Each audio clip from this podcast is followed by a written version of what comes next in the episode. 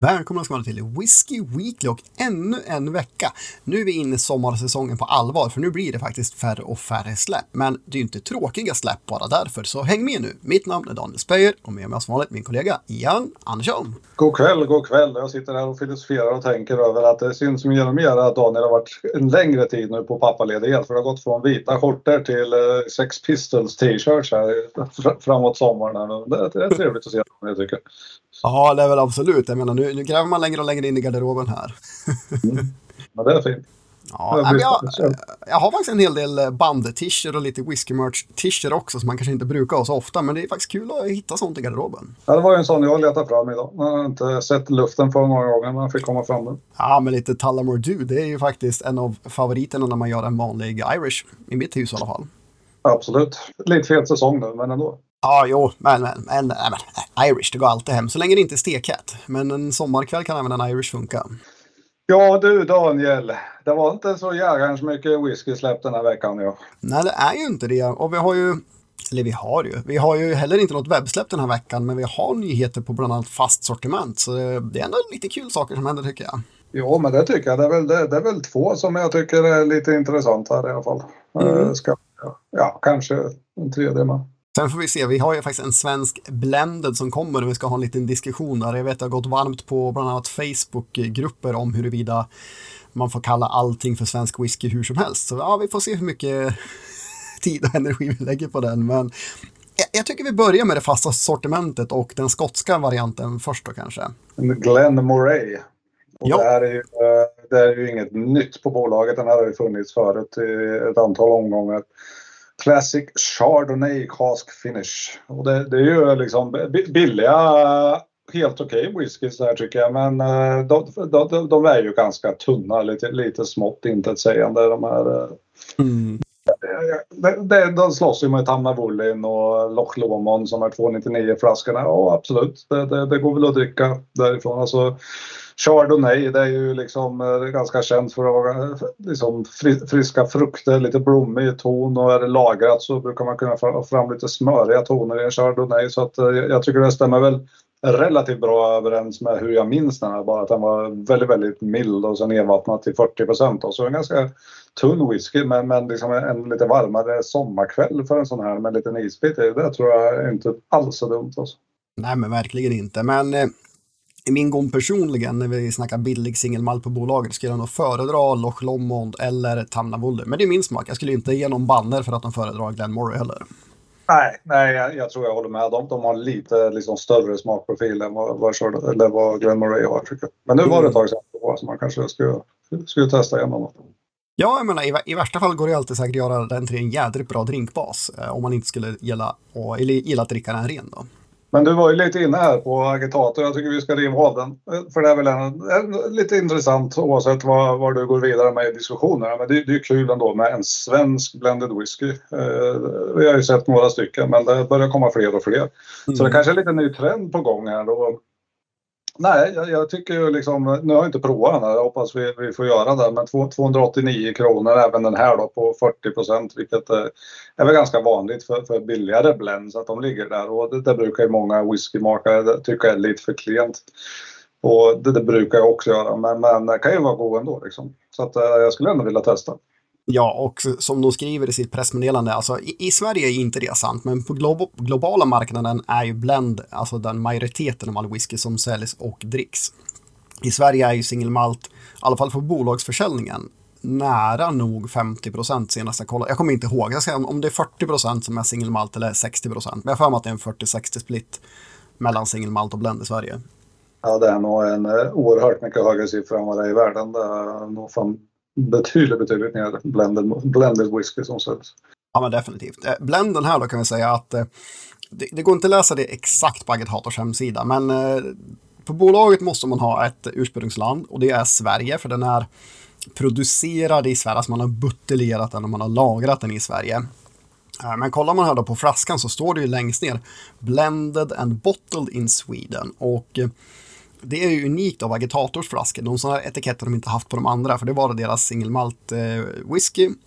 Den gör de all själv och så även i den här, singelmalten är svensk från agitator, men grainspriten kommer från Sverige och Tyskland. Och jag vet inte ens ifall grainspriten är från agitator, men de försöker ju inte i alla fall säga att det här är eh, alltså en svensk blend, för de står ju blender en bottle. Men för den oinformerade konsumenten kan det kanske då tro att all whisky är från Sverige, men de försöker vara så transparenta som, som bolaget tillåter dem att vara. Det är en stor diskussion här som sagt. Vad, vad får man säga på flaskan utan att få banner från bolaget? Alltså vad ska man uppfylla för att få lansera saker där? Får man då säga på etiketten att eh, det, du kan inte liksom ha en svensk-tysk produkt på bolaget. Antingen så är den svensk eller tysk eller skotsk. Den kan inte komma från två länder.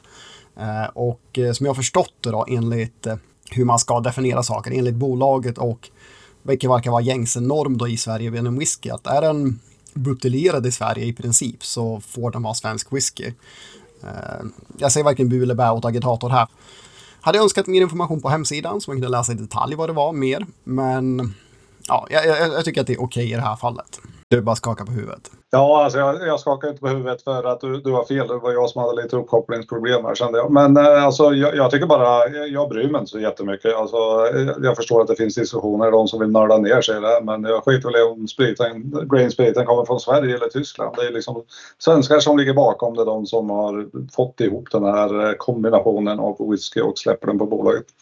Så att som sagt, jag ska vilja testa får vi se. Jag, jag, kan inte uttala mig känner jag alls. Jag vet inte vad jag ska förvänta mig av den här heller, men eh, testa vill man Ja, men absolut, för vi vet ju inte vad det är för andel grainsprit och andel maltsprit heller. Men eh, alltså, jag, jag, jag, kan se båda sidorna. Va? För, för att de som är riktigt intresserade av whisky så är det ju förtroendekapital man handlar med lite grann. Men släpper man för många dåliga NAS-whiskys då kommer det ju dyka förtroendet. Medan för en vanlig konsument som köper en whisky om år så är det kanske mer PR och varumärke som man köper, kanske inte exakta smaken.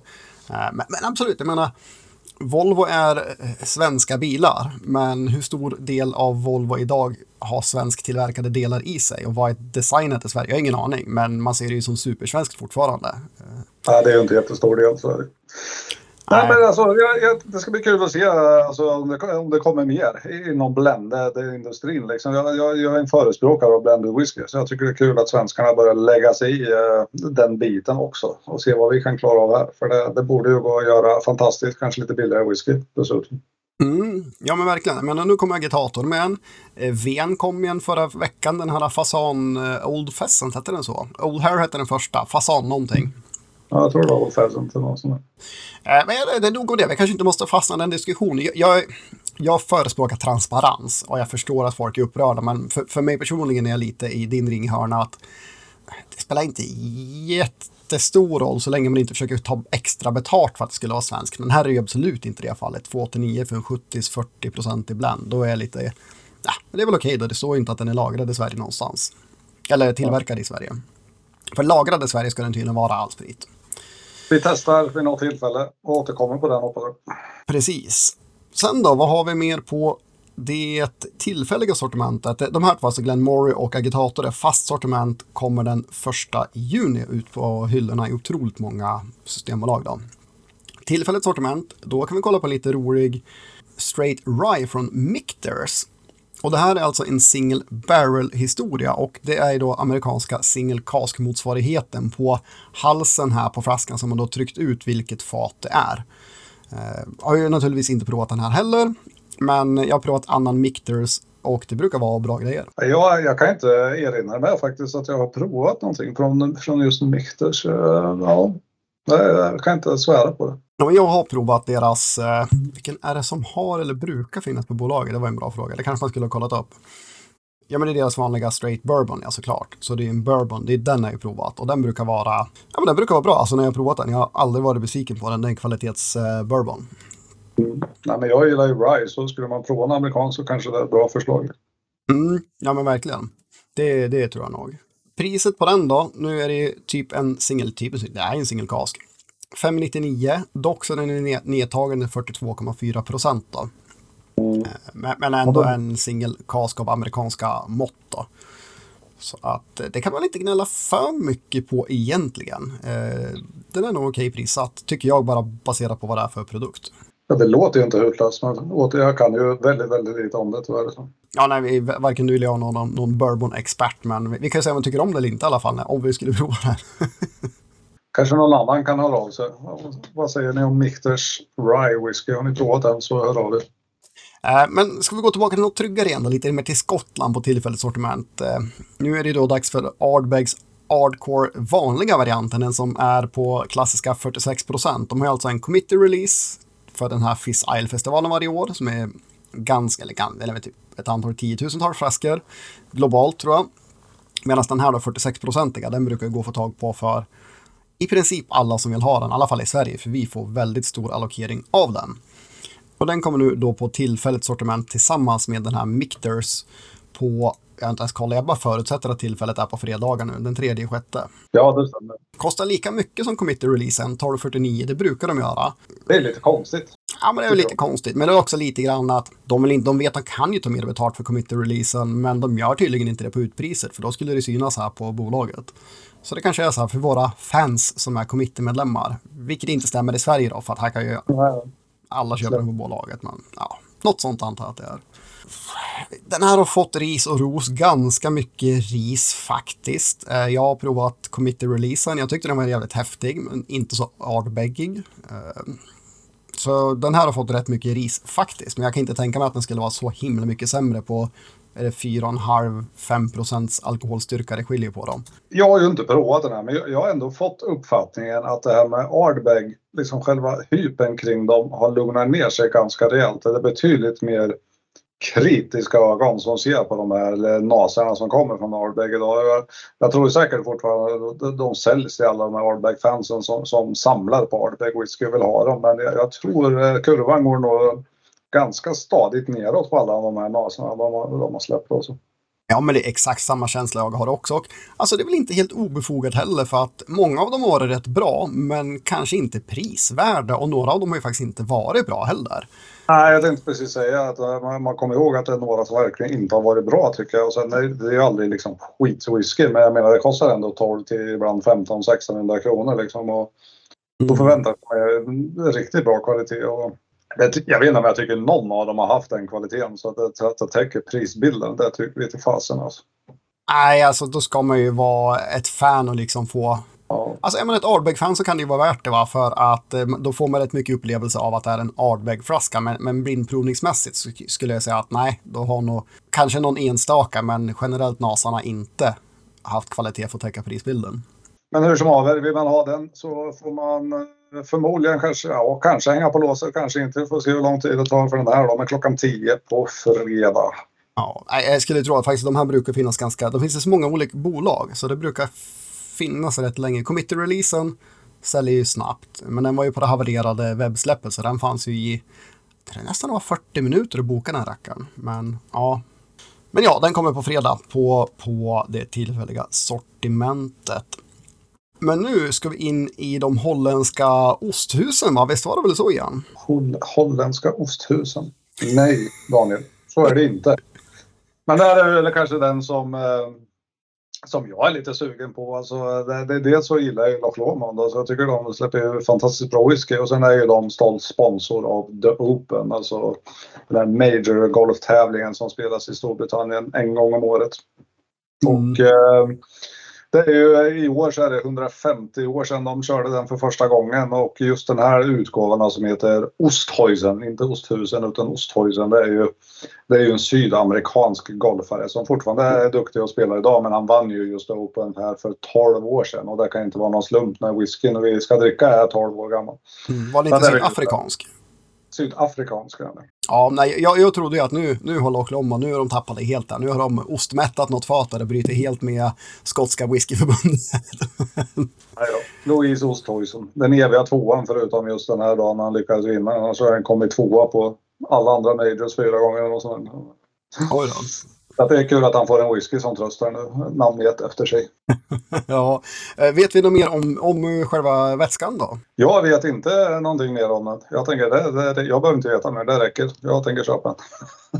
men det är ju, jag är kanske lite party som golfare och intresserad.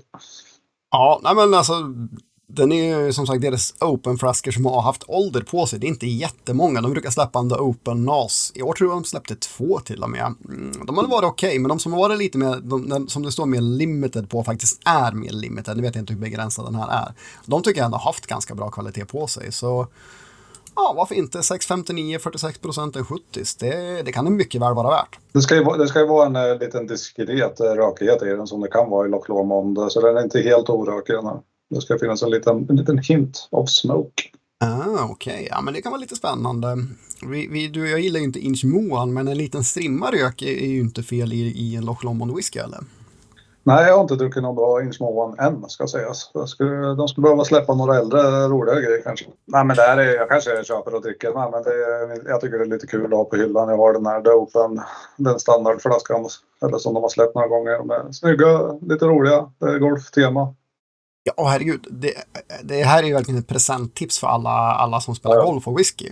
Det, det finns ju inte så många verkligen så golfpräglade whiskys och den här är ju lite unik just med att det är The Open, alltså prestigetävlingen. Det måste nästan vara nummer ett i Skottland va? Tävlingen?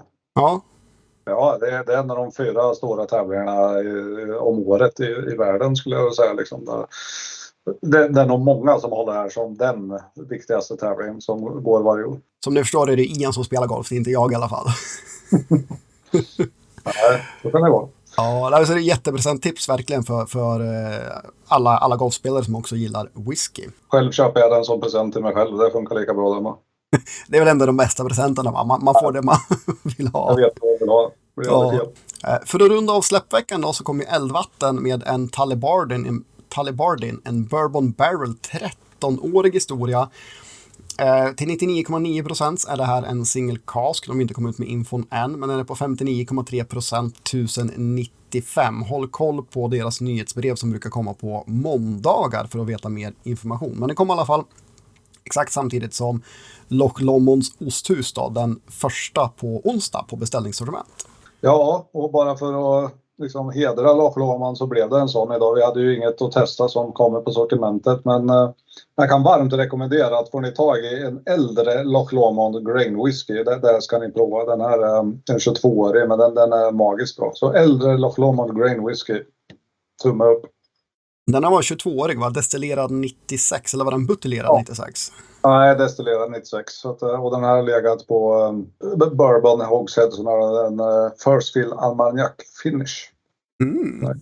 Fruktig och trevlig tillsammans med den med maltiga, lite frukostflingiga graintoner. Ja, jag tog faktiskt och öppnade med den här Spice Tree som jag pratade om när jag köpte här förra veckan. Den gjorde mig inte besviken den här gången heller. Den är riktigt bra alltså. Bara Highland whisky i den. Jag vet inte exakt fatblandningen, men det är inte bara bourbonfat. Törs jag nästan lova. Det måste vara någon släng av annat i den också. Ja, nej, men den var ju definitivt lite sherryinfluerad där för mig också.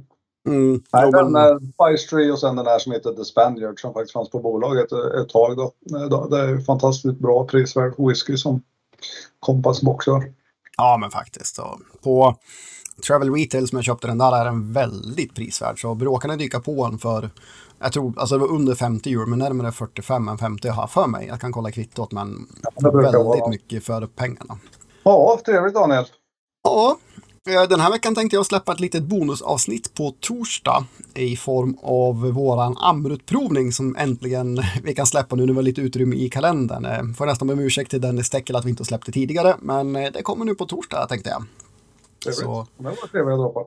Ja, verkligen. Så missa inte det och eh, ha nu en trevlig whiskyvecka alla ni där ute och skål på er! Kanske.